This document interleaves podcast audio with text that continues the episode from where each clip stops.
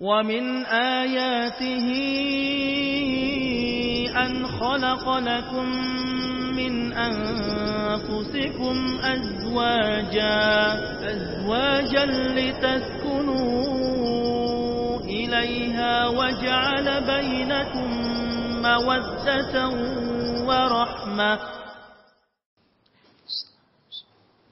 السلام عليكم ورحمة الله وبركاته.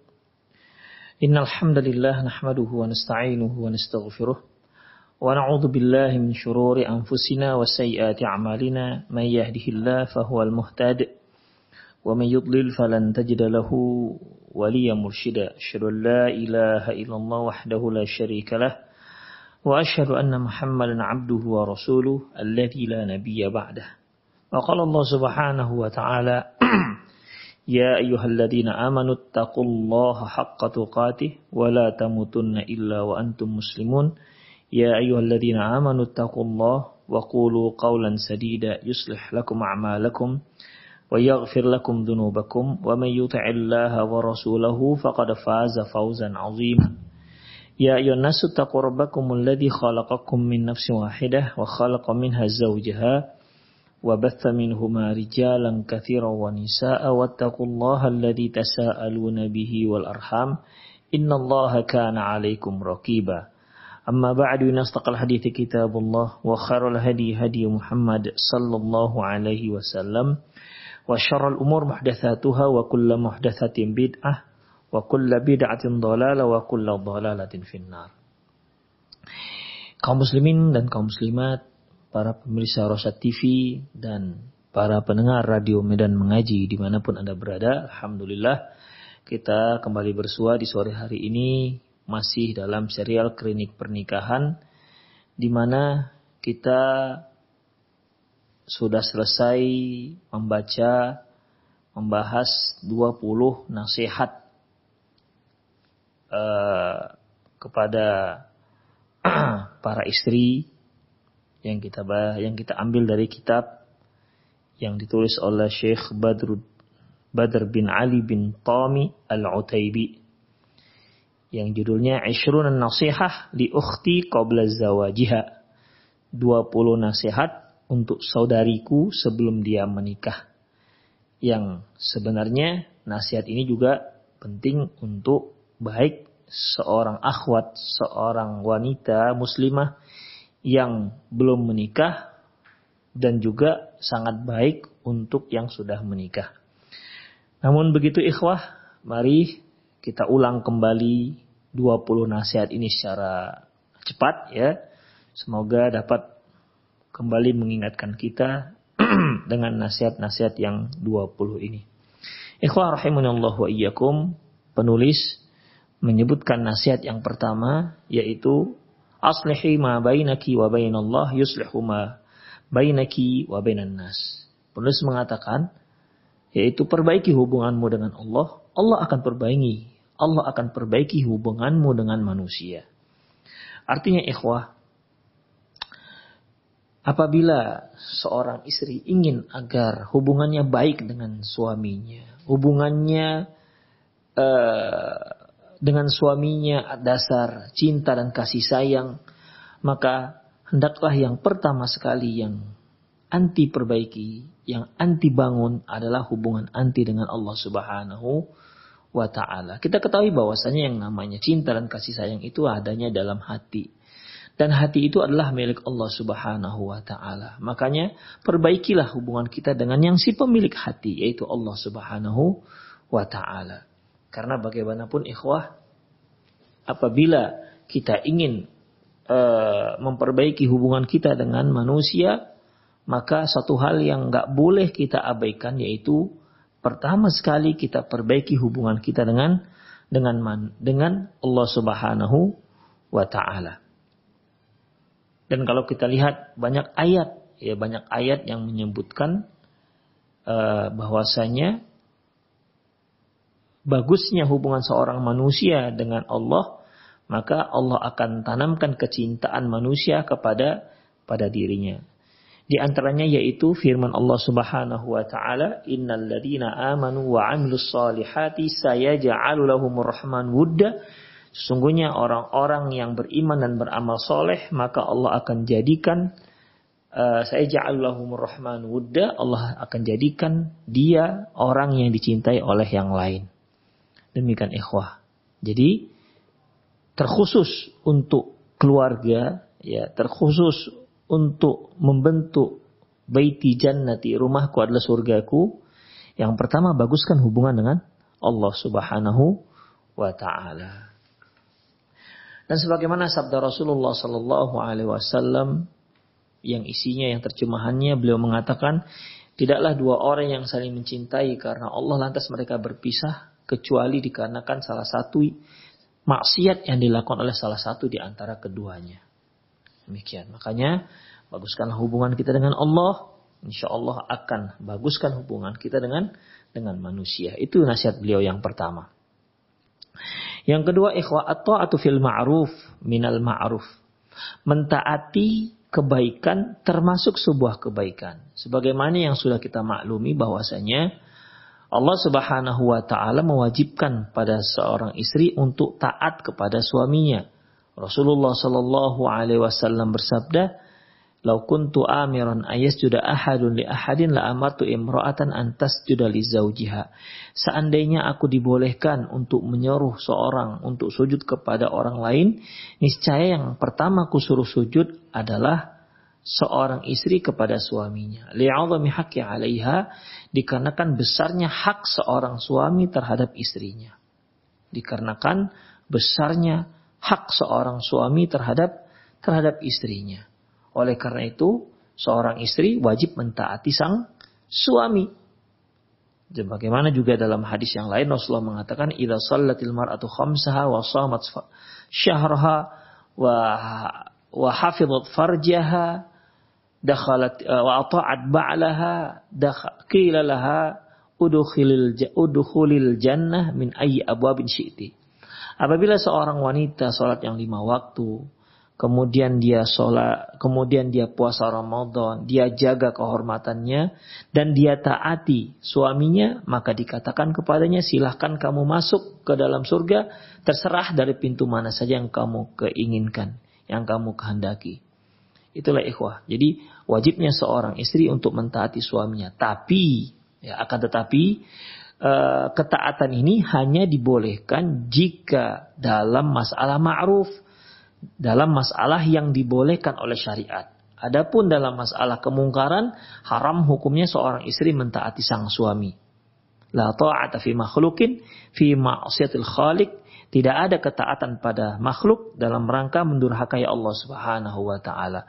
Apabila seorang suami menyuruh anti untuk belanja misalnya, beli bahan dapur misalnya atau minta tolong untuk belikan sarapan pagi, maka segera anti taati. Tapi kalau si suami mengatakan jangan pakai jilbab ketika keluar rumah, maka wajib bagi anti untuk tidak mentaatinya. Karena innama ta'atu fil ma'ruf. Ketaatan itu hanya dalam perkara yang boleh, dalam perkara yang perkara yang baik, dalam perkara mungkar itu tidak di, dibolehkan.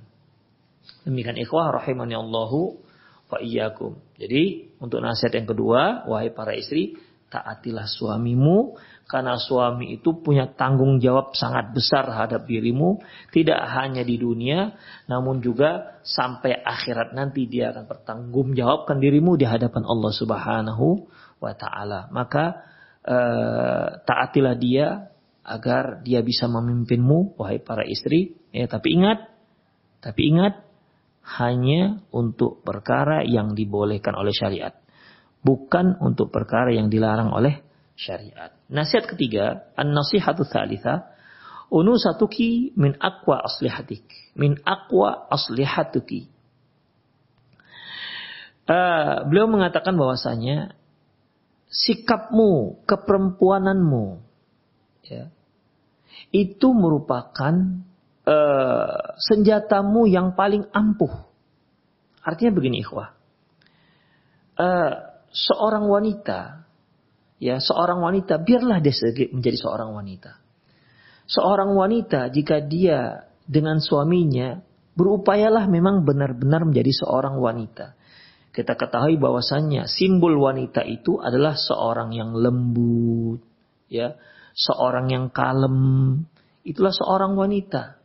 Ya, jalannya pelan gitulah kira-kira. Artinya kita bisa uh, kita dari dari suara kita bisa bedakan ini suara laki-laki, suara perempuan. Ya. Dari gerak-geri demikian, dari tingkah laku, maka wahai wahai para istri, tetaplah menjadi seorang wanita. Bersikaplah, bertingkahlah, bersuaralah, berbicaralah sebagai seorang wanita. Semakin anti menempatkan diri anti sebagai seorang wanita, tidak lari dari karakter seorang wanita, maka suami anti akan anti akan lebih mudah berhadapan dengan dengan suami anti. Demikian ikhwah. Manja misalnya, silahkan boleh. Karena manja itu merupakan salah satu sifat seorang wanita. Silahkan boleh manja. Ya, silahkan boleh manja. Manja dengan manja dengan suami, ya tentunya selama memang dalam batas-batas yang tidak membuat suami itu menjadi bosan. Demikian ikhwah. Ya. Makanya kalau jangan jangan ada seorang istri yang mengira kalau dia uh, dia bersikap tegar, tegar dengan artian seperti laki-laki, maka dia dikatakan seorang wanita yang tangguh. Enggak. Enggak. Wanita itu sangat dominan dengan kelembutannya, tangisannya, manjanya, gerak-gerak gerak-gerik wanita, kewanitaannya. Itulah seorang wanita. Itulah itulah merupakan senjata yang paling ampuh di hadapan sang suami. Demikian. Jadi jangan dikira kalau anti berteriak-teriak di hadapan suami lantas suami semakin semakin sayang. Kalau anti tidak mengeluarkan air mata lantas suami semakin sayang dan itu menunjukkan anti seorang wanita yang tegar. Enggak, ikhwah. Ya enggak. Ya. Demikian. Justru ketika suami melihat istrinya menangis, itu malah membuat hatinya menjadi luluh.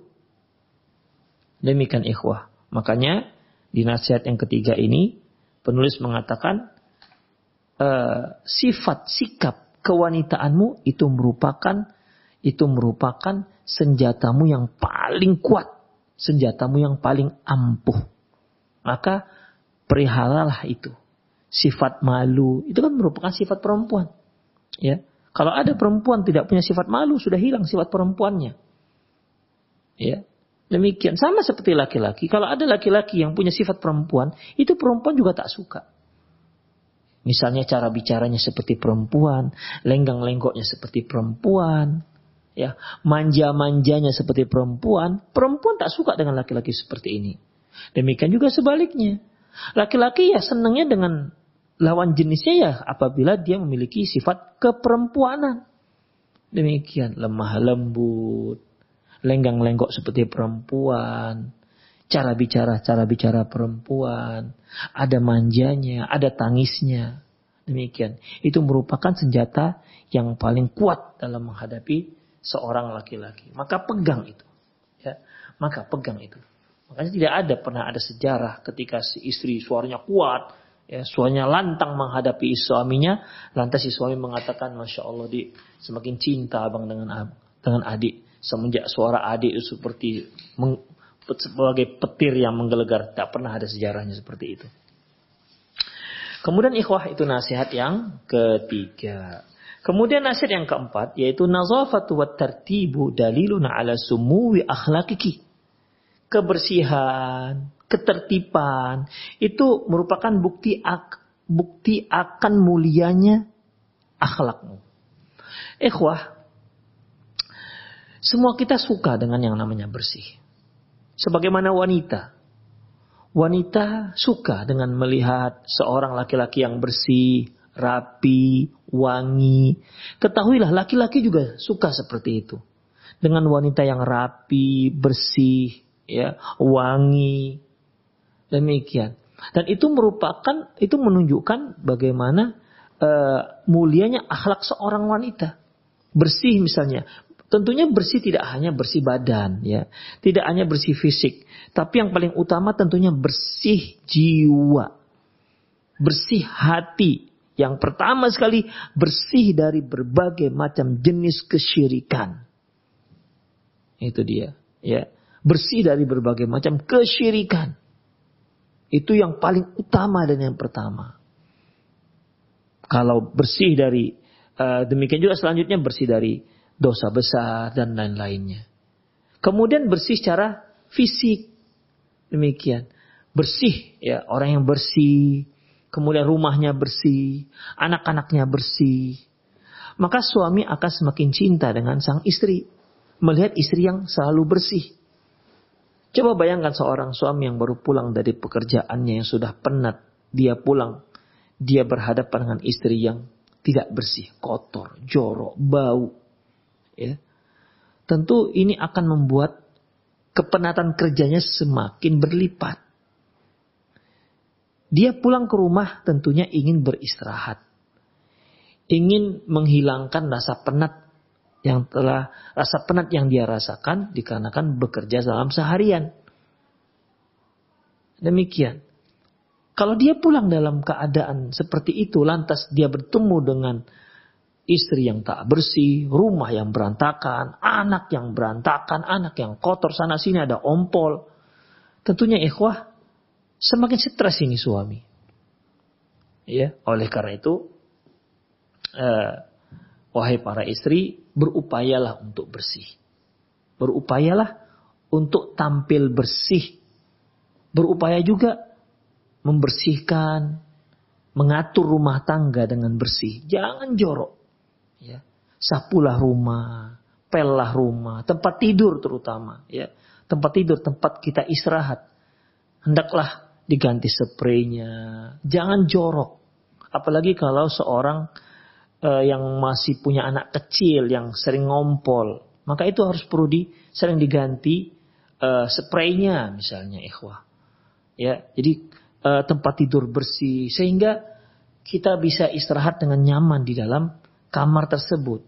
Demikian. Anak-anak juga bersih. Ketika uh, si suami pulang, dia disambut dengan anak-anak yang sudah bersih, dicium oleh ayah, dicium oleh si anak, dicium oleh ayahnya yang sudah wangi. Si anak ini kan menghilangkan semua rasa penat yang dia rasakan ketika bekerja dalam satu hari. Demikian ikhwah. Rahimani Allah wa iyyakum. Pulang, disambut dengan istri yang sudah bersih, disambut dengan senyuman yang merekah, disambut dengan anak-anak yang merindukan ayahnya, seraya mendengar panggilan-panggilan suara kecil dari anak-anak kita, kita gendong anak kita, kita cium mereka. Masya Allah. Ini pemandangan-pemandangan seperti ini, ikhwah. Ini yang bisa menghilangkan penat. Demikian. Coba jika sebaliknya. Allahu Akbar. Ya. Ini akan bisa lama kelamaan bisa membuat rumah tangga menjadi retak bahkan bisa bisa pecah. Gara-gara apa? Gara-gara si istri tidak bersih dan jorok serta tidak pandai mengatur rumah tangga. Demikian ikhwah rahimani Allah wa iyyakum. Dan perlu kita ketahui bersih di sini kan tidak harus menggunakan apa namanya? harus sesuatu yang mahal kan tidak. Ya. Tidak harus menggunakan sesuatu yang mahal. Mungkin di rumah kita tidak ada perabotan, tidak ada sofa, hanya ada karpet, tapi kalau karpetnya bersih, rumahnya bersih, disapu dan dipel, ya, itu akan membuat pandangan kita ataupun kita menjadi betah dalam rumah tersebut. Nasihat yang keempat, nazafatu wa tertib, daliluna ala sumui akhlakiki. Sungguhnya kebersihan dan ketertiban, ya, pandai mengatur rumah, ini merupakan tanda akan mulianya akhlakmu. Kemudian ikhwah, Ya, itu nasihat yang keempat tadi ya. Kemudian nasihat yang kelima. Agrikil akhta'a fi bahril mahabbah. Tenggelamkan semua kesalahan itu di lautan kecintaan. Artinya apa ikhwah? Rahimani Allah wa iyyakum. Uh, yang perlu kita ketahui bahwasanya tidak ada seorang seorang pun yang bisa cocok dengan orang lain itu 100%.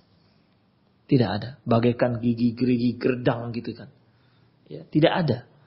Pasti di sana sini ada ketidakcocokan. Sedikit banyak pasti ada ketidakcocokannya. Apalagi apalagi antara laki-laki dan perempuan.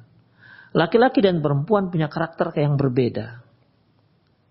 Oleh karena itu, ketika terjadi kesalahan di sana sini, hendaklah itu kita hapus, kita hilangkan dengan kecintaan kita. Anggap aja tidak ada kesalahan karena apa? Karena orang yang bersalah itu adalah orang yang kita cintai.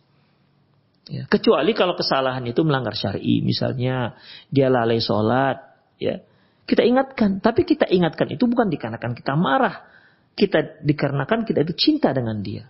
Tapi kalau misalnya dia terlambat menyuguhkan kopi, kurang garam ketika menyuguhkan makanan, Allah itu udah anggap lupa saja. Ya, lupa saja itu. Apalagi kalau kita makan dengan orang yang kita cintai, walaupun rasanya hambar, tapi dikarenakan bumbu cinta itu sudah ada di piring makanan kita, itu akan menjadi gurih. Itu ikhafiddin. Nasihat yang kelima yang disebutkan Syekh itu kalau ada pun kesalahan dari pasangan anti, dari suami anti, udah tenggelamkan itu dalam lautan lautan cinta. Karena memang tidak ada seorang pun yang bisa cocok 100% dengan dengan pasangannya. Tidak ada. Pasti di sana sini ada perbedaan dan perbedaan itulah yang akhirnya membuat munculnya ketidakcocokan munculnya apa namanya banyak permasalahan, munculnya permasalahan dari yang sedikit yang tidak cocok itu. Makanya kenapa kita harus memperhatikan yang sedikit yang tidak cocok itu? Kenapa nggak kita abaikan saja ketidakcocokan itu dengan bertoleransi, dengan memaafkan dan lain-lainnya. Intinya, kalaupun ada pasangan kita salah, sudah itu ditenggelamkan aja itu semua kesalahan dengan di dalam lautan kecintaan kita kepada kepada pasangan kita. Kemudian ikhwah rahimani Allah wa iyyakum itu yang kelima, an-nasihatus sadisah. Nasihat yang keenam itu min hubbiz zauji hubbu man yuhib. Di antara kecintaan seorang istri kepada suaminya yaitu jika si istri juga menyayangi orang yang disayangi oleh sang suami.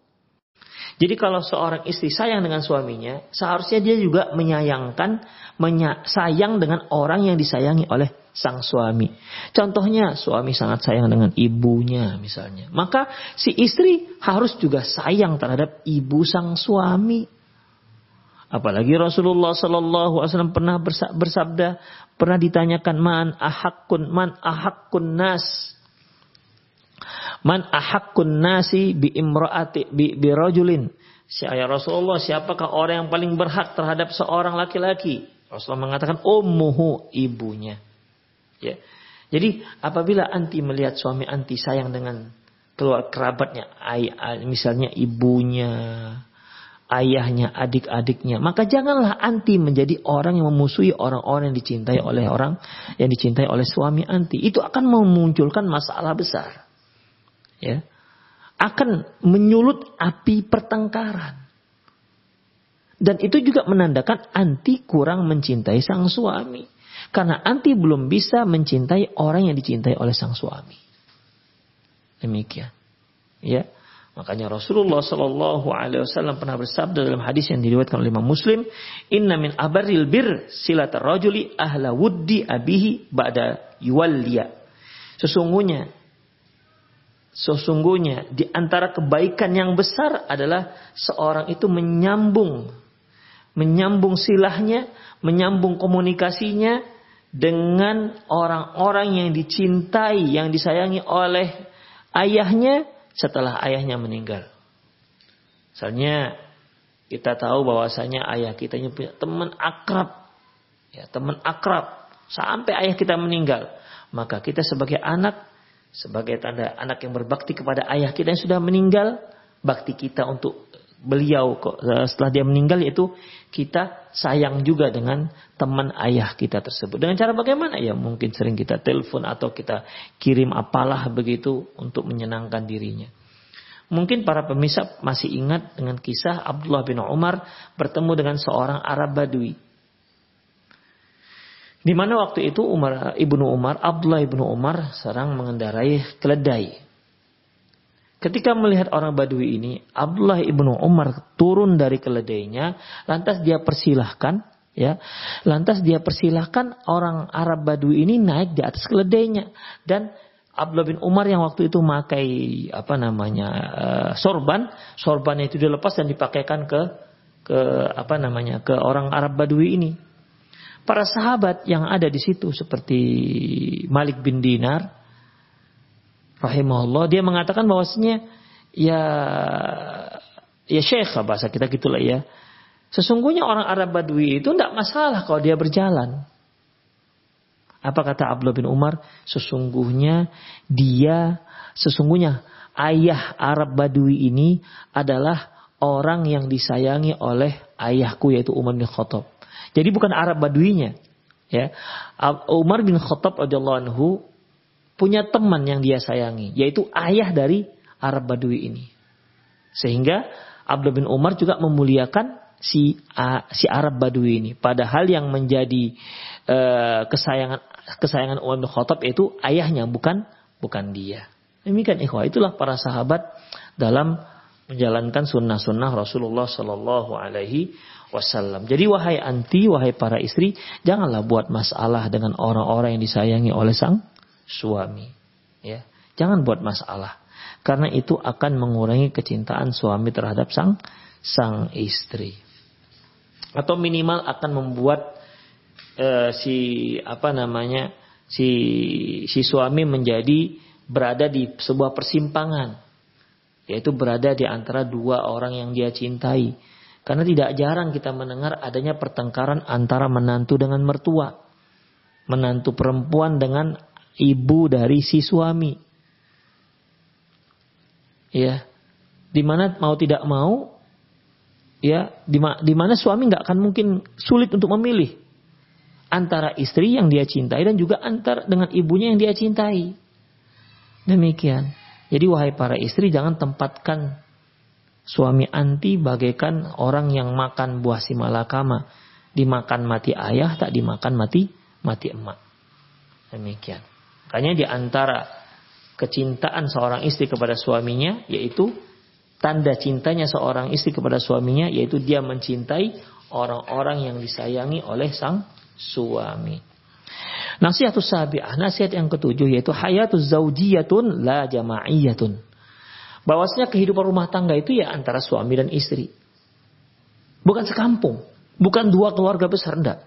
Yaitu kehidupan suami istri adalah kehidupan rumah tangga itu adalah kehidupan suami istri. Masalahnya yang muncul yaitu masalah yang harus diselesaikan antara suami dan istri. Begitu. Ya.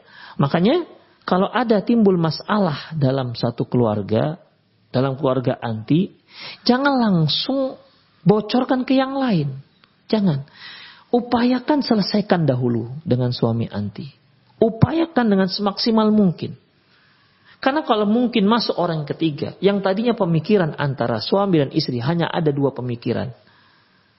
Masuk orang ketiga itu menjadi tiga pemikiran. Dan ini dikhawatirkan akan mempersulit permasalahan. Akan memperunyam permasalahan. Makanya apabila muncul permasalahan rumah tangga, satu masalah, ya, case dalam rumah tangga anti, maka coba upayakan dengan semaksimal mungkin hanya anti dan suami anti menyelesaikannya. Jangan ada orang yang ketiga, siapa pun dia, walaupun dia ustadz, walaupun dia keluarga terdekat, upayakan dahulu dengan selesaikan antara anti dengan suami anti.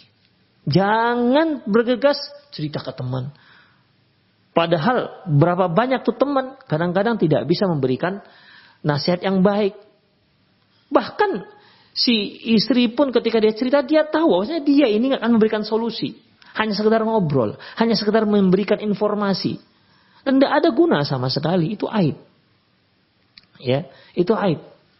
Bahkan ada lebih parah lagi malah dia memprovokatori sang istri. Misalnya ada masalah antara dia dengan suaminya, kemudian dia cerita dengan temannya. Kata temannya, oh kalau aku, aku ceraikan aja. Minta cerai langsung. Aku akan tak cerai. Begitu. Bertambah mendidihlah sang istri. Gara-gara ketemu dengan temannya. Ini gara-gara apa? Kesalahan istri. Karena gegabah menceritakan masalah rumah tangganya kepada temannya orang ketiga. Yang belum tentu bisa menyelesaikan masalah. Demikian ikhwah. Makanya upayakanlah setiap masalah yang muncul dalam rumah tangga anti, selesaikan, maksimalkan, anti berdua menyelesaikan antara suami dan antara anti dan suami anti. Kalau kalau memang ternyata sudah buntu, ya, nggak tahu lagi mau berbuat apa, nggak ngerti lagi bagaimana caranya, barulah ya minta orang-orang yang cerdas, yang bijak, untuk menyelesaikan masalah anti. Demikian ikhwah rahimani Allahu wa iyyakum. Makanya e, masalah-masalah di rumah, rahasia-rahasia rumah tangga sudahlah pendam dahulu antara anti dengan dengan e, dengan suami anti. Kemudian nasihat berikutnya ikhwah rahimani Allah wa iyyakum yang kedelapan, iyyaki wal kufur. Wahai para istri, hati-hati kamu dengan kekafiran. Maksud kafir di sini ikhwah yaitu kufur nikmat. Rasulullah Wasallam pernah bersabda, Ya ma'syaron ya ma'syaron nisa tasaddaqana fa inni ra'aitukunna aktsaru ahli nar. Kata beliau, wahai para kaum wanita, bersedekahlah kalian karena kulihat mayoritas kalian itu penduduk neraka. Karena mayoritas kalian itu penduduk neraka. Salah seorang sahabiah bertanya, "Kenapa ya Rasulullah?" Dikarenakan ayakfurna billah, apakah mereka itu kufur dengan Allah? Kata Rasulullah, enggak. Ya, tapi yukfirna la'na wa yakfurna ashir. Banyak melaknat dan apalagi dan kufur kepada suami. Bukan kufur artinya seperti dia kufur pada Allah enggak. Kufur yang dimaksud yaitu dia apa namanya? Dia ingkar dengan kenikmatan ataupun ingkar dengan kebaikan sang suami. Makanya dalam sebuah hadis sebutkan yaitu salah satu contohnya lau ahsanta ila ihdah ila ihdahunna dahr kullah apabila kamu berbuat baik kepada salah seorang tua wanita selama setahun penuh sumaroat minka lantas dia melihat sesuatu yang keliru darimu qalat dia akan berkata ma raaitu minka khairan qattun. Aku tak pernah melihat kebaikan darimu sedikit pun. Demikian. Ini bahasa-bahasa yang terkadang muncul dari uh, dari lisan seorang istri ketika dia kesal dengan suaminya. Sudah 10 tahun dia menikah. Gak pernah abang sedikit pun membahagiakanku. Katanya. Ini kan sudah jelas kekufuran. Kufur nikmat. Masa sih selama 10 tahun gak pernah dia merasa senang dengan istri suaminya sama sekali. Menderita terus. Itu kan gak masuk akal ikhwah. Makanya ini yang kata Rasulullah SAW. Hati-hati. Hati-hati kamu wahai kaum wanita dengan kufur nikmat ini. Dan kufur nikmat ini, ya kufur nikmat ini bisa menyebabkan merupakan penyebab terbanyak yang yang menyebabkan kaum wanita masuk ke dalam api api neraka yaitu kufur nikmat yakfurnal ashir kufur terhadap uh, kebaikan yang telah diberikan oleh sang sang suami. Hati-hati dengan masalah ini. Itulah nasihat yang ke delapan kemudian Nasihat yang kesembilan, ala afu sijiyatun nabilatun wa'tirafu bil khata'i fadilatun. Syekh mengatakan bahwasanya permintaan e, pemberian maaf, memaafkan itu merupakan budi pekerti yang luhur dan mengakui kesalahan merupakan budi pekerti yang mulia. Artinya apa ikhwah rahimahnya Allah wa iyyakum? Setiap pasangan itu pasti ada salah. Ya, karena kita, kita itu manusia. Baik istri maupun suami. Pasti kedua-duanya pernah salah. Takkan mungkin tidak. Karena Rasulullah mengatakan kullu bani Adam khata'un wa khair khata'in at-tawwabun. Semua anak Adam itu bersalah dan sebaik-baik orang bersalah adalah yang taubat atas kesalahan yang dia lakukan. Sebagaimana yang sudah kita jelaskan, kesalahan kemudian diiringi dengan taubat. Berarti kesalahan ini yang dimaksud bukan kesalahan biasa, tapi kesalahan yang menyebabkan dosa. Itu dia. Kesalahan yang terkait dengan dosa. Makanya perlu taubat. Setiap orang kata Rasulullah itu pasti bersalah. Pasti bersalah. Tanpa keter, ke, ke, ke, apa nama, tanpa terkecuali. Suami istri, suami pasti pernah salah, istri juga pasti pernah pernah salah. Gak akan mungkin mereka tidak pernah ada masalah dan tidak pernah salah. Tapi ketika anti sebagai seorang istri melihat kesalahan, menemukan kesalahan sang suami, maka maafkan. Ya, maafkan. Karena memaafkan merupakan salah satu karakter seorang yang bertakwa. Allah berfirman, "Wasari'u ila maghfiratin min rabbikum wa jannatin 'arduha samawati wal ard uiddat lil kafirin." Segeralah kamu untuk mendapatkan keampunan dari Allah Subhanahu wa taala dan untuk mendapatkan surga yang luasnya seluas langit dan bumi yang hanya disediakan untuk orang-orang yang bertakwa. Siapa itu? Alladzina yunfiquna fis sarra wad dharra wal kadhimina al ghaidha wal 'afina 'anil nas yaitu mereka yang menafkahkan hartanya baik dalam keadaan lapang maupun dalam keadaan sempit, yang seorang yang mampu menahan amarahnya dan walafina anin nas dan yang memaafkan orang-orang. Itu orang-orang saja dimaafkan, apalagi dia adalah sang suami. Banyak-banyaklah memberikan kemaafan kepada sang sang suami. Ya banyak-banyak, sering mungkin memberi kemaafan pada sang suami. Rasulullah Shallallahu Alaihi Wasallam pernah ditanya oleh seseorang, Ya Rasulullah, kam na'fu an khadim, kam na'fu an khadimina fi yaumin, ya Rasulullah, berapa berapa kali kami harus memaafkan pembantu kami dalam satu hari? Rasulullah diam, tidak memberikan jawaban. Ditanya lagi yang kedua, Ya Rasulullah, kam na'fu an khadimina kulla yaumin. Berapa kali satu hari kami harus memaafkan pembantu kami. Rasulullah diam. Setelah ditanya yang ketiga kali, barulah beliau menjawab. Ta'afu anhum sab'ina marrah kulla yaumin. Kau maafkan setiap hari itu 70 kali. Itu pembantu. Apalagi sang suami. Berikanlah kemaafan ikhwah. Ya. Wahai para istri, kalau anti melihat ada kesalahan sang suami, maka berikan kemaafan. Kemudian, kalau anti bersalah, maka segera mengakui kesalahan. Jangan berlarut-larut. Terkadang seorang istri, dia sudah tahu salah, tapi gengsi minta gengsi minta maaf, gengsi untuk mengakui kesalahan. Terkadang dia mau mengakui kesalahan, tapi nantilah agak-agak seminggu-seminggu lagi. Yang seperti ini, penundaan seperti ini, ikhwah, itu malah bisa membuat suami semakin marah. Ya membuat suami semakin jengkel dengan sang istri. Sudah jelas dia salah tak minta maaf. Makanya ya salah satu sifat salah satu sifat uh, seorang wanita yang salehah yaitu memaafkan dan berani mampu uh, mengakui uh, kesalahan yang dilakukan. Demikian. Itu yang kesembilan. An-nasihatul asyirah Nasihat yang ke-10. Hal ta'rifina ma alaiki wa ma alaihi? Tahu nggak engkau apa kewajibanmu dan apa kewajiban suamimu? Nah, demikian. Jadi di sini Syekh dalam nasihat yang ke-10 ini, Syekh membahas tentang apa saja kewajiban pasangan. Apa saja kewajiban suami dan istri. Beliau memberikan tiga bagian yaitu kewajiban dari sisi syari'i, dari sisi syariat di mana kewajiban-kewajiban itu syariat yang menetapkannya seperti memberi nafkah ya Ar-rijalu qawwamuna 'alan nisa bima faddallahu ba'dahum 'ala ba'dhin wa bima anfaqu min amwalihim. Ya. Bahwasanya laki-laki itu merupakan pemimpin atas kaum wanita dan dikarenakan keistimewaan yang Allah berikan dibandingkan sebagian yang lain dan karena mereka yang menginfakkan harta mereka untuk kaum wanita. Demikian ikhwah. Itu di antaranya ya, di antaranya dan banyak uh, kewajiban-kewajiban sang istri yang mem demikian juga kewajiban-kewajiban sang suami yang harus dia lakukan dan itu sudah ditetapkan oleh syariat.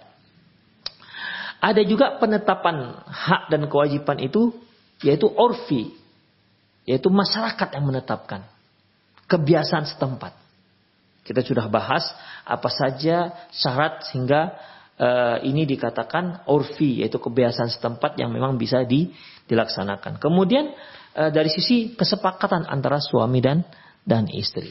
Demikian. Ya kalau sudah sepakat berarti ya uh, bagi pasangan harus me, melaksanakan apa yang mereka sudah sepakati. Misalnya apabila uh, apabila se, apa namanya seorang istri mengatakan bahwasanya uh, kalau dia apa namanya menikah misalnya ya kalau dia menikah dengan si ikhwan ini atau si laki-laki ini maka dia pengen dia mau agak apa tetap bersama ibunya misalnya karena ibunya nggak punya siapa-siapa lagi tidak ada siapa-siapa lagi misalnya.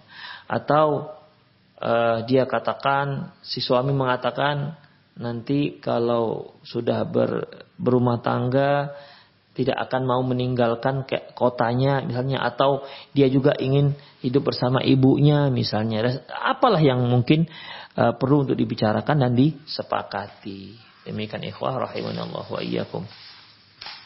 Ya itulah nasihat yang ke 10 kemudian nasihat yang ke 11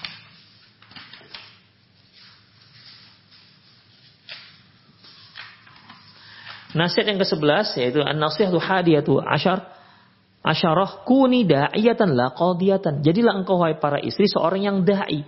Dai itu artinya mengajak, la qadi bukan orang yang menetapkan hukum. Dan suami itu tidak suka dihukum. Suami itu nggak suka difonis. Ya, apalagi dia pemimpin rumah tangga.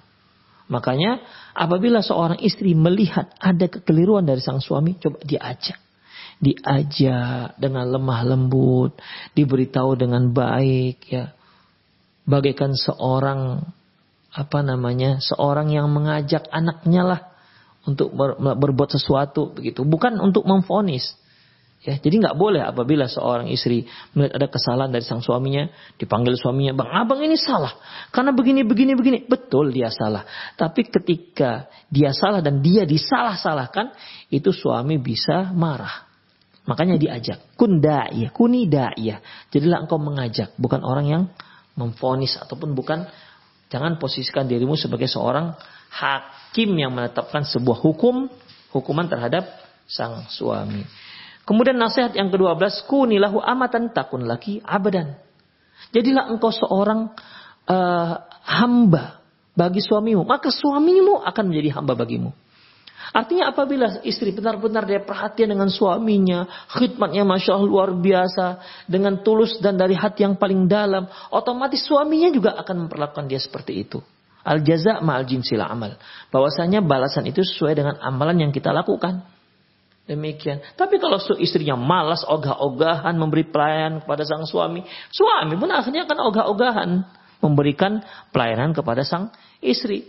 Tapi coba istrinya taat pokok apa saja Masya Allah. Dek masa ini dek siap bang Insya Allah jadi semua apa yang diinginkan oleh sang sang sang suami. Ya, dia bagaikan hamba saya untuk suaminya. Dia itu bagaikan hamba saya untuk suaminya. Otomatis suami yang diperlakukan seperti ini juga dia akan memberikan khidmat yang sama. Demikian. Itu trik dalam menghadapi sang sang suami. Demikian ikhwah. Jadi Jadilah wahai para istri menjadi hamba saya untuk suamimu, maka suamimu akan menjadi sah hamba saya untuk dirimu. An-nasihatu satu asyar. Nasihat yang ke-13. Qad takunu ghirah adatun syariyah. Syarirah. Terkadang cemburu itu merupakan kebiasaan yang buruk. Ikhwah. Munculnya cemburu itu dikarenakan adanya rasa cinta dalam hati seseorang. Kalau tidak ada rasa cinta, maka tidak ada yang namanya cemburu. Ya, tidak ada yang namanya cemburu. Hanya saja ikhwah, cemburu itu ada dua. Cemburu yang memang dipuji oleh Allah dan cemburu yang yang malah dicela oleh Allah Subhanahu wa taala. Makanya cemburu itu ada dua, pencem uh, uh, ghiratul mamduh wa ghiratul madhmum, ya. Cemburu yang uh, tercela, cemburu yang tercela ini si istri menuduh sang suami dengan tanpa data. Pulang-pulang suami, abang selingkuh ya, abang begini-begini.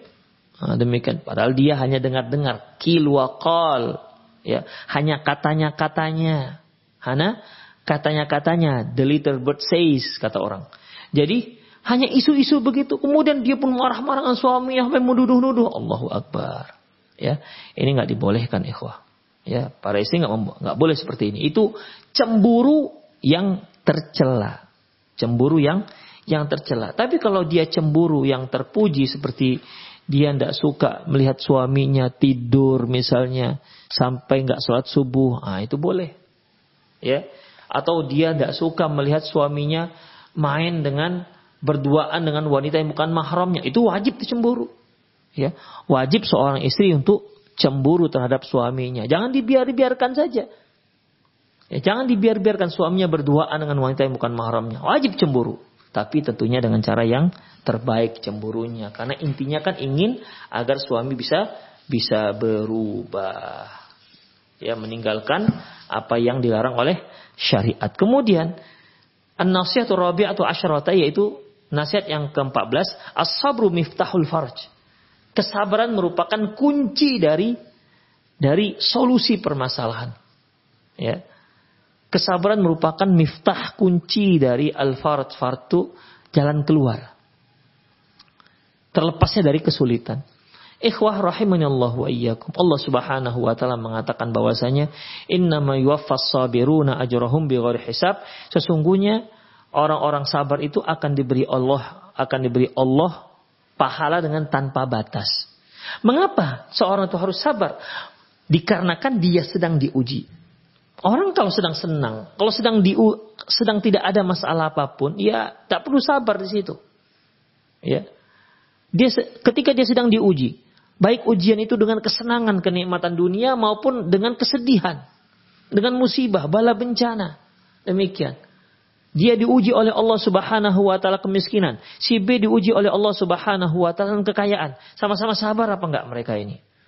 Jadi dua-dua sedang diuji maka dia harus sabar. Karena rumah tangga itu pastilah ada, di sana sini pasti ada yang namanya permasalahan, maka harus disabar, di maka harus dihadapi dengan kesabaran, harus sabar. Kalau tidak sabar, Allahu Akbar, itu akan membuat masalah akan semakin runyam, semakin ruwet. Ya. Semakin besar. Gara-gara apa? Ditanggapi tak sabar. Orang yang tidak sabar itu ikhwah, dia tidak akan bisa melaksa, uh, menghadapi masalah dengan tenang. Ya. Makanya Rasulullah pernah mengatakan al-ijlatu minasyaiton, tergesa-gesa itu termasuk dari syaitan. Ya. Coba dihadapi dengan kesabaran, pikirkan dengan tenang, insya Allah ikhwah. Ya. Insya Allah akan Allah akan beri jalan keluar yang yang terbaik insya Allah. Makanya ya harus sabar dahulu, jangan tergesa-gesa dalam dalam menetapkan sesuatu. Kemudian nasihatul khamisata asyara. Nasihat yang ke-15. Apa itu? Ad-du'a silahul mu'min. Masya Allah. Doa merupakan senjata orang mukmin. Banyak orang mukmin telah lupa dengan doa. Padahal doa ini merupakan senjata pamungkasnya seorang mukmin. Allah Subhanahu wa taala mengatakan wa qala rabbukum ud'uni astajib lakum. Berkata Tuhan kalian, minta kepadaku, berdoa kepadaku, aku akan kabulkan kalian. Apa yang kalian minta akan aku kabulkan. Itu yang dikatakan Allah kepada kita. Rasulullah mengatakan malam yada Allah yaghdab alaih. Barang siapa yang malam yas'alillah yaghdab alaih. Barang siapa yang nggak minta kepada Allah, Allah marah dengan dia. Makanya kita hidup punya masalah. Ya, kita hidup itu penuh masalah. Dan kita butuh doa kepada Allah Subhanahu wa taala. Mohon kepada Allah apa yang kita inginkan minta kepada Allah Subhanahu wa taala, terutama di saat-saat yang makbul, waktu-waktu yang makbul, seperti di saat turun hujan, antara komat dengan adzan atau ketika sujud, ya, ketika safar dan seterusnya dan seterusnya. Banyak-banyak berdoa kepada Allah Subhanahu wa taala. Jangan mengandalkan kepiawaian anti dalam menyelesaikan masalah. Lupa dengan Allah Subhanahu wa taala. Ketahuilah bahwasanya yang pertama itu ketika kita menghadapi masalah rumah tangga, yang pertama adalah doa kepada Allah Subhanahu wa taala. Karena itu merupakan ujian dari Allah. Mohon pada Allah solusi.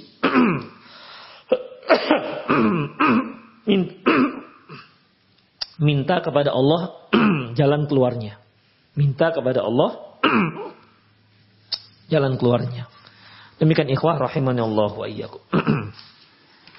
Kemudian yang ke-16. Kullu yaumin jadidun kuni zaujatan jadidatan. Setiap hari itu hendaklah baru. Jadilah engkau wahai para istri yaitu istri yang baru. Artinya bukan gonta-ganti istri enggak, tapi hendaklah dia apa namanya eh, penampilannya senantiasa baru. Baru di sini ikhwah tidak harus mahal Ya, tidak harus modal besar enggak. Ya, tapi hendaklah tetap bagus, jamilah, cantik, ya penampilan tetap bagus optimal begitu di hadapan sang suami. Demikian juga rumah. Ya, kalau memang bisa rumah apa namanya dia memang ada perabotan, dirubahlah perabotannya ya bagaimana agar e, berubah supaya suasana akan menjadi suasana akan menjadi tidak sama seperti sebelumnya. Karena sesuatu yang baru itu akan membuat kita itu lebih santai, lebih enak, lebih nyaman. Beda dengan kalau itu-itu aja yang bisa membuat kita menjadi bosan dengan apa yang ada di hadapan kita. Kemudian yang ke-16, ke-17 ya. Yang ke-17 yaitu akrabut tariq ilal qalbi rajul sam'uhu wa basaruhu.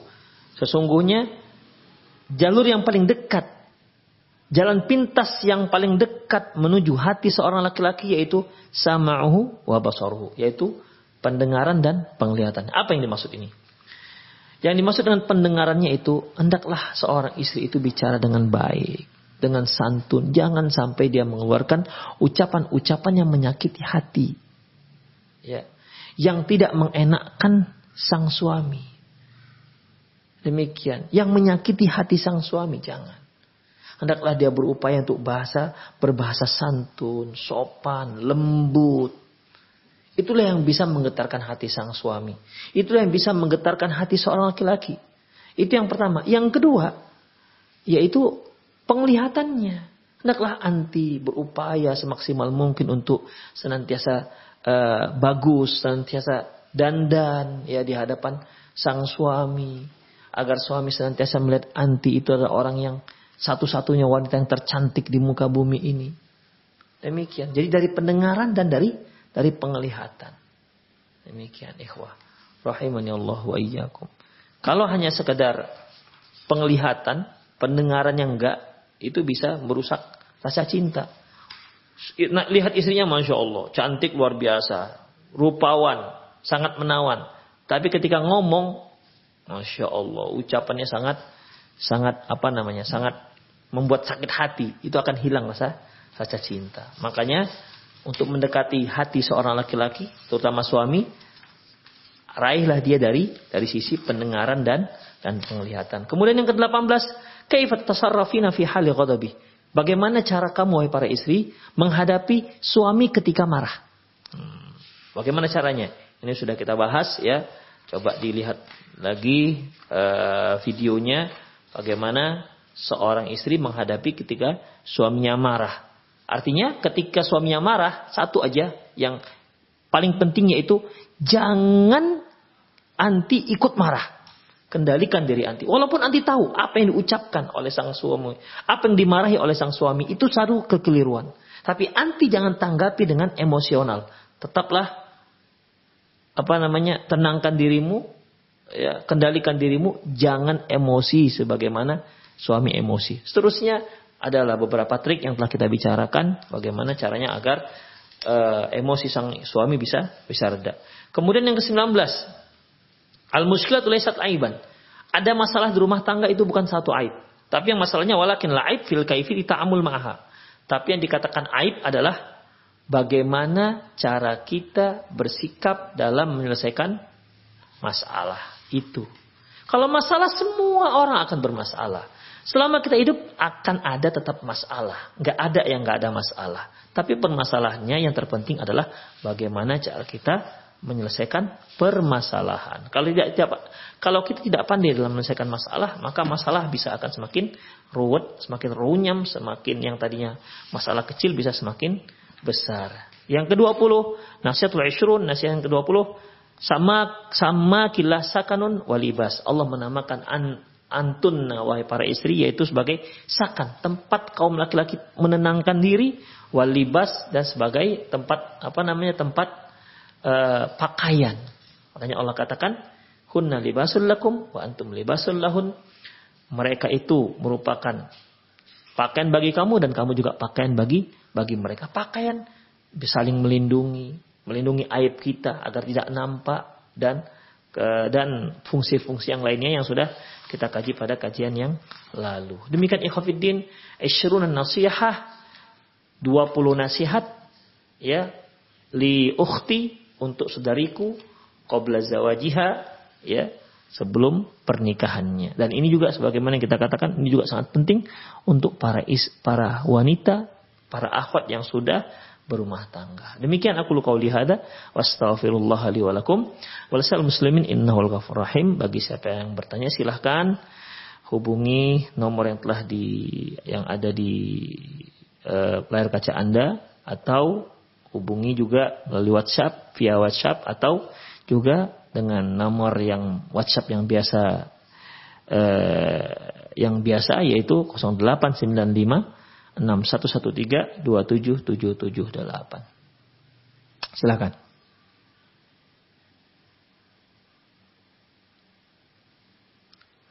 Baik, Assalamualaikum Ustaz. Dengan hamba Allah di Aceh, bolehkah sholat tahaj, eh, tahajud atau sholat sunnah duha diawali dengan sholat sunnah wudhu. Ikhwah, sholat sunnah wudhu ini sama dengan sholat tahiyatul masjid, yaitu yaitu ibadah al ibadatu al ghairu maksud bidatiha. Ibadah yang bukan maksud tujuannya dengan zatnya. Ya. Seperti begini ikhwah. Rasulullah mengatakan, Eh, ida ida dakhala ahadukumul ida dakhala ahadukumul masjid fala yajlis hatta yarka rakaatain. Apabila salah seorang kalian masuk masjid, maka jangan dia duduk sampai dia sholat dua rakaat. Itulah sholat dua rakaat itu sholat tahiyatul masjid. Artinya sholat apa saja yang dia lakukan. Apakah dia sholat dua rakaat, se apa sholat sholat dua rakaat rawatib atau dia sholat dua rakaat duha misalnya kalau dia sholat duhanya di masjid maka itu sudah mencakup dengan sholat sholat tahiyat masjidnya yang penting ketika dia masuk ke masjid dia sholat dua rakaat dahulu atau sebelum duduk dia sholat dahulu jangan duduk dia masuk masjid dia sholat dulu apa pun jenis jenis sholatnya. Demikian juga halnya dengan sholat sunnah wudhu. Pokoknya setiap dia wudhu, maka dia sholat dua rakaat apa pun jenis sholatnya. Demikian. Ya silakan. Halo? Ya, halo. Ya, silakan Bu. Ini Ustaz mau tanya, Ustaz. Ya, Bu. Ustaz. Waalaikumsalam warahmatullahi wabarakatuh. Agak dikuatkan Uh, sedikit. Ya, silakan Bu. Anak mempunyai adik, Ustaz. Ya. Jadi saya tanya lagi gonjang ganjing mau eh, pisah. Iya. Semua kedua kedua-dua itu suami juga udah nggak udah nggak suka katanya kan? Mm-hmm. Itu juga udah nggak suka lagi sama eh, suaminya gitu. Jadi kami selaku keluarga kayak mana nih Ustaz gitu loh? Baik. Eh, Solusinya kayak mana nih Ustaz gitu loh Ustaz? Oke. Udah Bu? Iya terus kan mereka itu cuma punya rumah, rumah itu mau dijual. Dia punya anak perempuan tiga, jadi pembagiannya itu kayak mana juga Ustaz itu? Oke. Udah Bu ya? Iya Ustaz. Oke. Eh, Jazakillah khairan pada ibu yang bertanya. Baik, ada sepasang suami istri yang ingin berpisah. Bagaimana sikap keluarga, keluarga besar? Ikhwah rahimanallah wa iyyakum. Allah Subhanahu wa taala eh, telah memberikan solusi kepada kita. Pada dasarnya, sebagaimana nasihat Syekh eh, Badar bin Ali Al-Utaibi, selesaikan masalah rumah tangga itu dua orang. Suami istri. Jangan lewat dari itu. Ketika dia tidak selesai kesulitan ya dalam menyelesaikannya ya kedua-duanya sudah kepingin pisah aja. Maka ikhwah kalau mereka memang ingin memang masih ingin untuk mempertahankan tapi nggak tahu bagaimana cara mempertahankannya maka Allah Subhanahu wa taala berfirman faba'athu hakama min ahlihi wa hakama min ahliha. Ya maka di, diambil diutus ada hakim dari keluarga perempuan dan hakim dari keluarga laki-laki. Ya in aradu islaha yuwaffiqillahu bainahuma. Kalau memang mereka benar-benar ingin islah berdamai Allah akan beri taufik Allah akan beri jalan keluar. Jadi keluarga bagaimana? Keluarga panggil. Ya Ya, keluarga sebagaimana kan ketika terjadi lamaran, itu kan keluarga besar laki-laki dan keluarga besar perempuan bertemu nih untuk melamar. Kami punya keinginan, ada maksud dan tujuan untuk melamar putri keluarga ini kan begitu. Nah, ketika ada masalah, kemudian mereka yang si pemilik rumah tangga ini memang ingin untuk melanjutkan tapi nggak tahu bagaimana caranya, maka tidak apa-apa, ya, tidak apa-apa. Siapa orang yang paling dominan, yang orang bijak dari keluarga laki-laki dan yang paling bijak dari keluarga perempuan? Entah satu atau dua orang begitu kumpul dengan suami dan istri, dengan si adik tadi itu. Apa masalahnya? Apa masalahnya? Demikian. Ya, jadi semoga ada jalan keluar. Semoga ada jalan keluar. Ya tentunya dia awal dengan doa kepada Allah Subhanahu wa taala. Itu dia. Jadi dua keluarga inilah yang nanti akan ikut campur dalam menyelesaikan permasalahan. Demikian. Ya, dan memang mereka harus benar-benar netral. Benar-benar netral dalam netral dalam melihat permasalahan. Baik, setelah dua keluarga ini ternyata sudah memberi nasihat, mereka mungkin sudah pakat-pakat juga, udah oke, okay. tapi ternyata sebulan kemudian masih juga muncul masalah yang sama, ya. Itu itu aja permasalahannya. Berarti kan memang tidak bisa. Maka pisahlah dengan baik-baik. Ya. Pisahlah dengan baik-baik. Yaitu amsikuhun nabil ma'ruf atau tasrihum. Peganglah istrimu dengan cara yang baik atau ceraikan dengan cara yang yang baik juga. Jadi dua keluarga itu bukan malah bertengkar. Demikian, ya, bukan malah bertengkar. Tapi bagaimana dengan kalau memang pisah, bagaimana dengan anak-anak? Ya, bagaimana dengan anak-anak? Anak-anak itu itu tanggung jawab sang suami. Walaupun ya, anaknya tiga nih misalnya, tiga-tiganya dibawa oleh sang istri. Jangan dikira sang suami lepas tanggung jawab dengan anaknya. Anak ini nggak bisa lepas tanggung jawab. Walaupun ibu bapaknya sudah cerai. Kalau istri oke, okay, ketika dia habis iddah tidak ada nafkahnya. Tapi anak tetap wajib sang ayah ini anak dia ini. Jangan dikira cerai dengan istrinya, anaknya cerai juga. Enggak. Anaknya, walaupun dia bersama ibunya atau bersama ayahnya, si ayah tetap wajib untuk memberikan nafkah anak-anak yang tiga orang ini. Demikian. Kemudian tidak ada yang namanya harta warisan di sana. Adapun harta gono gini tidak ada dalam Islam. Bercerainya sang suami dengan istri ada harta gono gini enggak. Yang ada itu uh, apa namanya? Ada uang apa? Uang kasih sayang lah, uang uang apa namanya? Uang penghargaan lah gitu kepada sang istri ya dia tidak tidak ada nilai tertentu enggak. Tapi ingat, ya, ingat. Anak tidak bisa ada jatah khusus enggak? Anak itu tanggung jawab ayah kandungnya, bukan tanggung jawab sang ibu. Berapa banyak kita lihat pecahnya rumah tangga, akhirnya anak ikut ibu, ibu yang bertanggung jawab terhadap si anak. Si ayah yang sudah pisah dengan ibunya, mentang-mentang si anak ikut ibunya, dia tidak mau peduli dengan anaknya. Berdosa besar tuh ayah. Demikian. Ya. Jadi itu terkait dengan masalah masalah anak. Silakan. Allahu alam bisawab. Halo?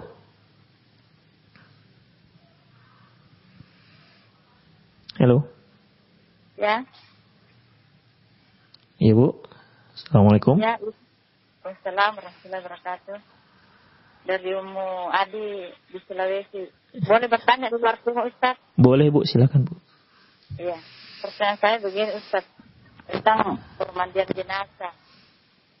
Eh, apakah jenazah ini boleh disisir pada saat kalau perempuan kan di kepala tiga Ustaz? Nah. Boleh apa Bu? Ini, Ulangi Bu, belum jelas. Boleh kayak gimana? Ini ketika ada ada anu, ada mayit Huh? Perempuan ini kan rambutnya di kepala tiga pada yeah. saat mau dibungkus. Nah, huh? rambut ini boleh disisir atau bagaimana? Karena saya pernah baca ada dapat buku katanya tidak boleh disisir. Bagaimana pendapat itu soalnya atau doi? Oh iya iya iya. Oke, okay. ya Bu, dah Bu. Assalamualaikum warahmatullahi Jadi untuk mayit perempuan, untuk mayat perempuan, malah dalam sebuah hadis Rasulullah SAW uh, waktu itu menyuruh uh, Ummu Atiyah kalau bahasa kita Ummu Atiyah ini radhiyallahu anhu sebagai Bilal untuk memandikan mayat yang menyelenggarakan jenazah perempuan ini Ummu Atiyah radhiyallahu anhu. Rasulullah menyuruh, ya malah Rasulullah menyuruh supaya menyisir rambutnya, menyisir rambut si jenazah perempuan, kemudian dibuat kepang tiga. Ya, jadi malah Rasulullah menyuruh sunnahnya untuk bersisir. Ya ya tentunya mayatnya nggak bisa nyisir sendiri. Ya si penyelenggaranya lah yang menyisirkan rambutnya. Rasulullah menyuruh supaya menyisir dan membuat dia menjadi kepang tiga. Allahu alam bisawab. Untuk lebih jelasnya ibu bisa lihat buku Ahkamul Janais yang dikarang oleh Syekh Albani di situ sebutkan jelas sekali hadisnya. Kalau uh, buku terjemahnya tuntunan penyelenggaraan jenazah. Ya. Tuntunan penyelenggaraan uh, jenazah yang ditulis oleh Syekh Albani itu diterbitkan oleh uh, Pustaka Imam Syafi'i. Demikian. Allahu alam bisawab.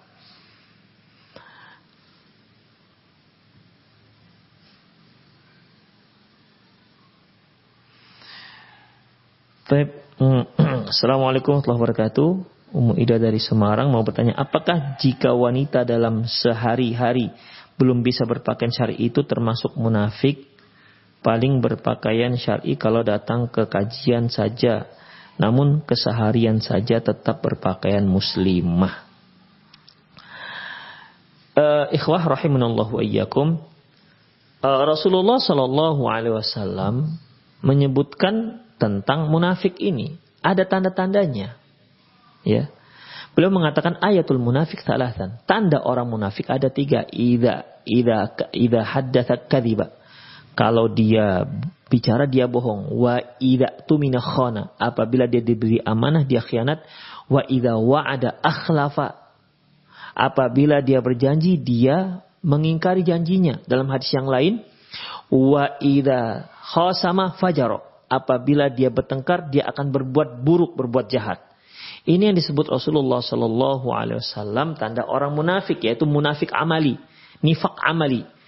Karena nifak itu munafik itu ada dua, nifak i'tiqadi yaitu dia orang yang munafik i'tiqadi secara akidah yaitu dia sebenarnya orang kafir tapi dia menyatakan dirinya Islam padahal dia masih kafir pura-pura masuk Islam lah ya pura-pura masuk Islam. Ini yang disebut Allah Subhanahu wa taala di awal soal Baqarah, wa idza laqul ladina amanu qalu amanna wa idza khalau ila syayatinihim qalu inna ma'akum innama nahnu mustahziun.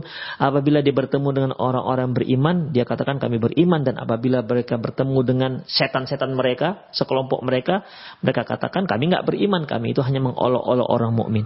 Jadi ini orang munafik, orang munafik yang i'tiqadi, akidahnya. Dia orang kafir tapi pura-pura Islam. Ya, kalau dahulu pada zaman Rasulullah seperti Abdullah bin Ubay bin Salul. Tapi ada munafik amali. Dia dia amalannya seperti amalan orang-orang munafik. Di antaranya empat tadi itu.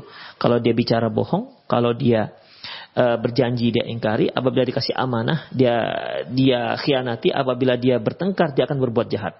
Adapun apabila seorang wanita uh, ketika dia pergi kajian, dia berpakaian syar'i, apabila dia nggak kajian dia pakaian biasa-biasa saja, ya Allah alam bisawab ini nggak dikatakan syar'i. Hanya saja dia memang belum mampu untuk melakukan secara sempurna. Tapi tidak dikatakan secara tidak dikatakan orang munafik, wanita munafik. Demikian ikhwah. Ya umumnya ibu-ibu ini kalau dia pergi kajian, masya Allah pakainya betul-betul syari. Jilbabnya lebar, warnanya juga warna yang adem, warna yang gelap, ya. Tapi ketika dia sudah di kantor, dia masih pakai jilbabnya, jilbab yang pendek, hanya se, se, sedada mungkin, atau mungkin di atas dada Uh, demikian ikhwah. Tidak tidak sesyari ketika dia kajian. Ini bagaimana ikhwah rahimanallahu wa iyyakum? Ya, kita katakan ini sebuah kesalahan karena yang namanya menutup aurat itu ya tidak dibedakan antara kajian dengan nggak kajian. Ya. Tapi nggak dikatakan munafik. Demikian. Sepengetahuan saya itu nggak dikatakan munafik. Ya, dalam masalah jilbab dia belum sempurna. Begitu. Ya. Seperti misalnya ikhwah Sebagaimana orang-orang muslimah Indonesia. Ketika dia sholat itu bagaimana pakaian mereka? Serentak mereka semua berpakaian memakai mukena kan? Memakai telekung kata orang Medan. Mukena kata orang-orang yang selain Medan. Demikian. Kenapa dia pakai telekung ataupun mukena? Karena pakaian yang biasa dia pakai itu tak menutup aurat. Makanya ketika dia sholat membuka menutup aurat sampai dibawa sengaja dalam tasnya mukena. Itu dia. Padahal untuk menutup aurat itu kan tidak hanya ketika sholat. Tapi di luar sholat juga dia harus menutup auratnya ketika dia keluar rumahnya. Ketika dia berada di hadapan yang bukan mahramnya. Demikian. Apakah orang ini dikatakan munafik? Enggak. Allah alam bisawab. Ini enggak dikatakan munafik. Hanya saja wanita ini berdosa kalau dia di hadapan yang bukan mahramnya masih belum menutup auratnya. Ada pun ibu yang tadi kalau di kajian sempurna luar biasa pakaiannya kalau dia pergi bekerja atau pergi belanja tidak ya tapi sudah menutup aurat ya kita katakan tidak dikatakan tidaklah dikatakan dia itu sampai dikatakan munafik. Intinya bahwasanya kalau dia memenuhi syarat menutup aurat tidak me, me, me, tidak tidak apa namanya tidak membentuk tidak transparan dan menutup semua auratnya, maka dia sudah cukup dikatakan sebagai orang yang yang menutup auratnya, wanita yang menutup auratnya. Tapi perlu diketahui satu bahwasanya berpakaian wanita muslimah yang berpakaian keluar rumah di hadapan orang yang bukan mahramnya, fungsi pakaiannya itu harus diketahui bahwasanya fungsi pakaiannya adalah untuk menutupi bukan menghiasi. Fungsi pakaian yang dia gunakan untuk menutup auratnya di saat keluar rumah di hadapan lelaki yang bukan mahram, fungsinya adalah ingat untuk menutupi bukan menghiasi. Allahu alam.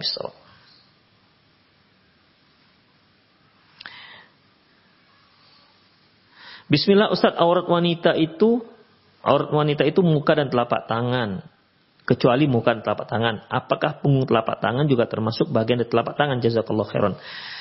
Wajazakillah khairan. Uh, ikhwah, Rasulullah SAW mengatakan bahwasanya ketika Asma datang di hadapan beliau, beliau mengatakan ya Asma, sungguhnya wanita itu aurat illa hada wa hada, kecuali ini dan ini. Rasulullah SAW menyebutkan wajah dan dan telapak tangan. Telapak tangan itu dalam bahasa Arab, ya, telapak tangan itu dalam bahasa Arab inilah dia. Dari mulai pergelangan tangan ke atas, ini dikatakan telapak tangan kafun. Dikatakan kaf. Kafun ini semua nih. Ini ini semua dikatakan kaf. Ya. Hanya kaf ini diartikan dalam bahasa Indonesia dengan telapak tangan. Ya. Dalam kosa kosakata Indonesia untuk mewakili ini organ-organ badan ini semua itu tidak ada. Tapi rinciannya ada. Yang ini telapak tangan, yang ini punggung tangan. Padahal yang namanya kafun itu bukan hanya telapak tangan. Kaf itu adalah telapak tangan dan punggung tangan. Inilah dia semua. Ini yang saya goyang ini, semuanya ini dikatakan kafun. Makanya ketika buku-buku terjemahan menerjemah kecuali muka dan telapak tangan sehingga asumsinya kafun itu hanya telapak tangan saja, punggung tangan enggak. Makanya kita lihat kalau ibu-ibu Indonesia pergi umroh, dia pakai beli apa namanya handset itu ya e, dengan menutup punggung punggung telapak tangan. Nah, demikian. Padahal nggak itu. Saya ingatkan bahwasanya kaf dalam bahasa Arab adalah kaf al kafu itu ini dia. Ya. Untuk untuk organ tubuh kita yang ini, untuk atas bawah ini mewakili mewakili ini tidak ada. Ya, yang ada bagian bawah telapak tangan, bagian atas punggung tangan punggung telapak tangan, punggung tangan. Demikian. Jadi yang dikatakan aurat itu adalah nah ini semua ini. Baik dia telapak tangan maupun punggung tangan. Eh, yang dikatakan tidak aurat ya, kecuali muka dan telapak tangan yaitu yang dikatakan kaf, punggung tangan dan eh, punggung tangan dan telapak tangan. Nah, ini semua ini tidak dikatakan aurat. Jadi mulai pergelangan dan mulai pergelangan ke sini semua ini tidak dikatakan aurat. Dari pergelangan kemari ke bawah ini aurat. Makanya ibu-ibu kadang-kadang mereka kan pakai ini. Pakai pakaian yang ujung tangannya itu lebar. Nah, ketika dia mengangkat tangannya, ternyata tangannya terbuka, turun sampai ke lengan tangan. Berarti dia sedang membuka aurat. Itu dia. Ya, makanya hati-hati wahai kaum wanita dalam masalah aurat. Allahu alam bisawab.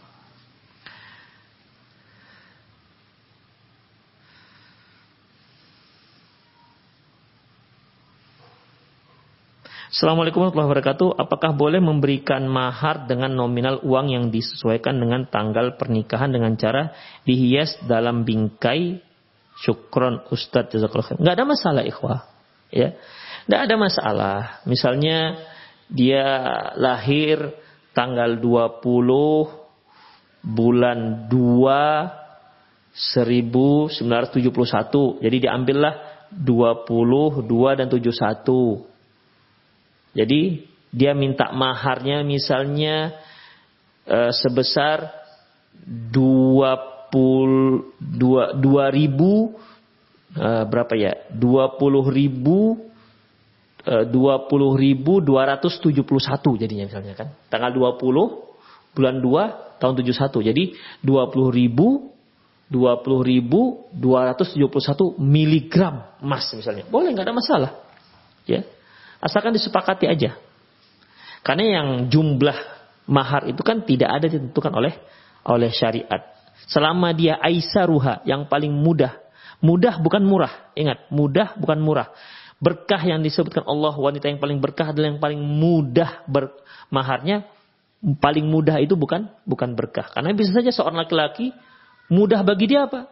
E, satu unit kendaraan Alphard misalnya, ya Mudah bagi dia, dia orang kaya. Tajir melintir misalnya. Ya silakan nggak ada masalah. Ya. Jadi mengenai di bingkai segala macam tidak ada masalah.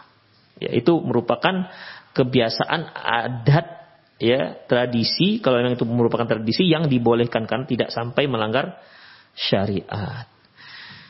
Ikhwah saya kira itu sajalah kajian kita masih banyak pertanyaan semoga apa yang kita bahas bermanfaat lebih dan kurang mohon maaf. Aku lu qauli hadza wa astaghfirullah li wa lakum wa muslimin innahu wal ghafur rahim. Kita akhiri dengan doa kafatul majlis subhanakallah wa bihamdik asyhadu an la ilaha illa anta astaghfiruka wa atubu ilaik. Wa akhiru da'wana alhamdulillah rabbil alamin. Assalamualaikum warahmatullahi wabarakatuh.